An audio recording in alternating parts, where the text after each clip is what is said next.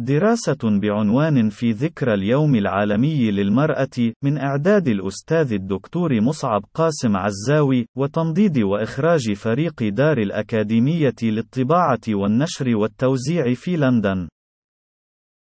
قد يكون من غير الملائم الابتداء بتحية المرأة العربية المظلومة المقهورة المكلومة المحسورة من المقولة البسيطة والواضحة بأن المرأة العربية تمثل نصف المجتمع الحي والقادر على الإنتاج في المجتمع، وذلك لكونها مقولة تكرر طرحها كثيرا، والتي على الرغم من مصداقيتها المطلقة فإنها لم تستطع أن تأخذ طريقها إلى وعي الإنسان والمجتمع. المجتمع العربيين، وذلك كنتيجة بسيطة لكون الغالبية العظمى من فئاته الشعبية هشيما حطاميا وعصفا مأكولا منهوبا مسروقا وفاقدا كل قدرة على الفعل أو التأثير جراء الفعل التاريخي التراكمي لتغول غلا الاستبداد والطغيان عموديا وأفقيا على كل المجتمعات العربية دون استثناء.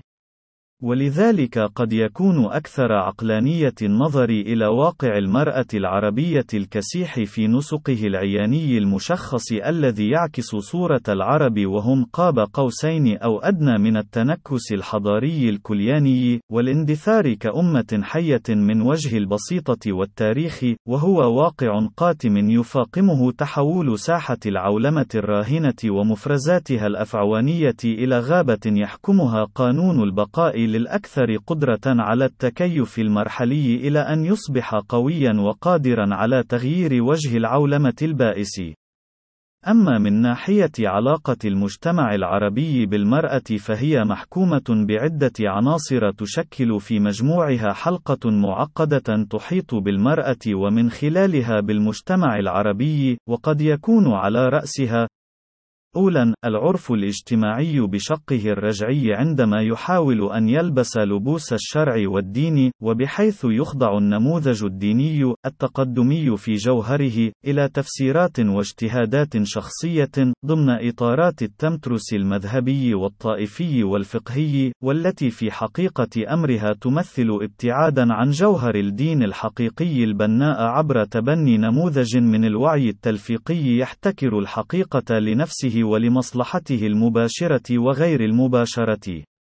ثانيا، اضطرار مجموعات وشرائح اجتماعية واسعة للرضوخ إلى قوانين الاستلاب الاقتصادي الجديد، وذلك لاضطرارها إلى لقمة العيش الكافرة، والدخول نتيجة لذلك في مطحنة الصناعات الجديدة التي وقودها الإنسان وقيمه، بحيث تحول تلك الأخيرة إلى مجموعة من السلع التي تباع وتشرى في أحياز اقتصاد السوق البربري ابتداء من أفضية الدعاية والإعلان، مرورًا ببعض البرامج الفضائية، ووصولًا إلى البيع العلني والمشخص عبر الوسائل المختلفة، وكل ذلك تحت شعارات مواكبة الحضارة وتقاليدها عبر الإمساك بها من ذيلها أو جيوبها أو مواقع أخرى.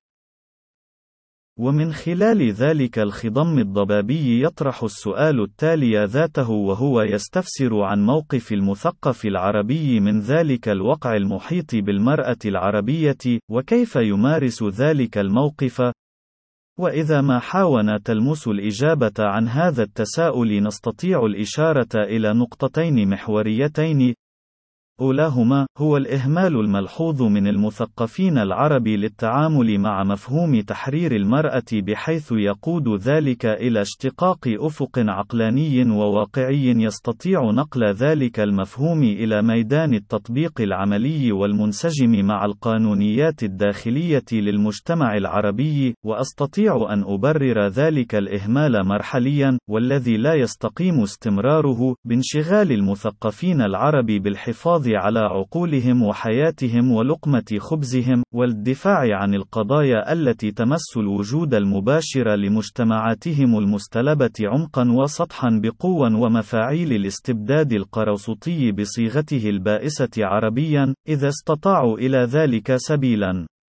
وثانيهما وهي الأخطر وتتمثل في حالة الازدواجية التي في الممارسة والقول والتي تستمرئها بعض الشرائح المتعلمة والتي ليس بالضرورة شخوصها مثقفون منظورا إليهم بمنظار واجبات والتزامات المثقف العضوي من خلال ممارستها ببهلوانية هائلة مقولات التحرر والتقدم بطريقة انتقائية وشكلية ثم تروح عقب ذلك تحرم نفس المقولات والممارسات على الأخريات والأخرين وتجب حتى الاقتراب منها عندما لا تستطيع تلك المقولات أو الممارسات تحقيق الأهداف الشخصية الذرائعية المحضة منها أو الدعائية المنوطة بها.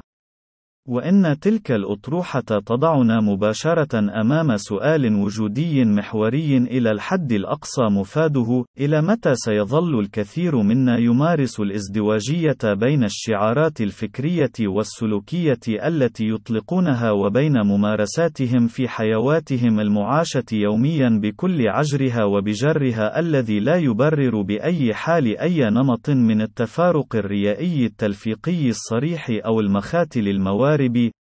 وفي الختام قد يكون من الحصافة استحضار عبارات الفيلسوف لوكاتوش عن تطور المجتمعات في قوله: قد يصبح التقدم الاجتماعي مسخا كسيحا إن لم نستطع ابتناء وحدة عضوية بين الوعي والممارسة من خلال إعادة ابتناء وحدة عضوية تتمثل الوعي القديم لتطوره، وتمضي بالمجتمع إلى أفق جديد من القوة والإندفاع تتيح له الدخول في المستقبل كما يشاء.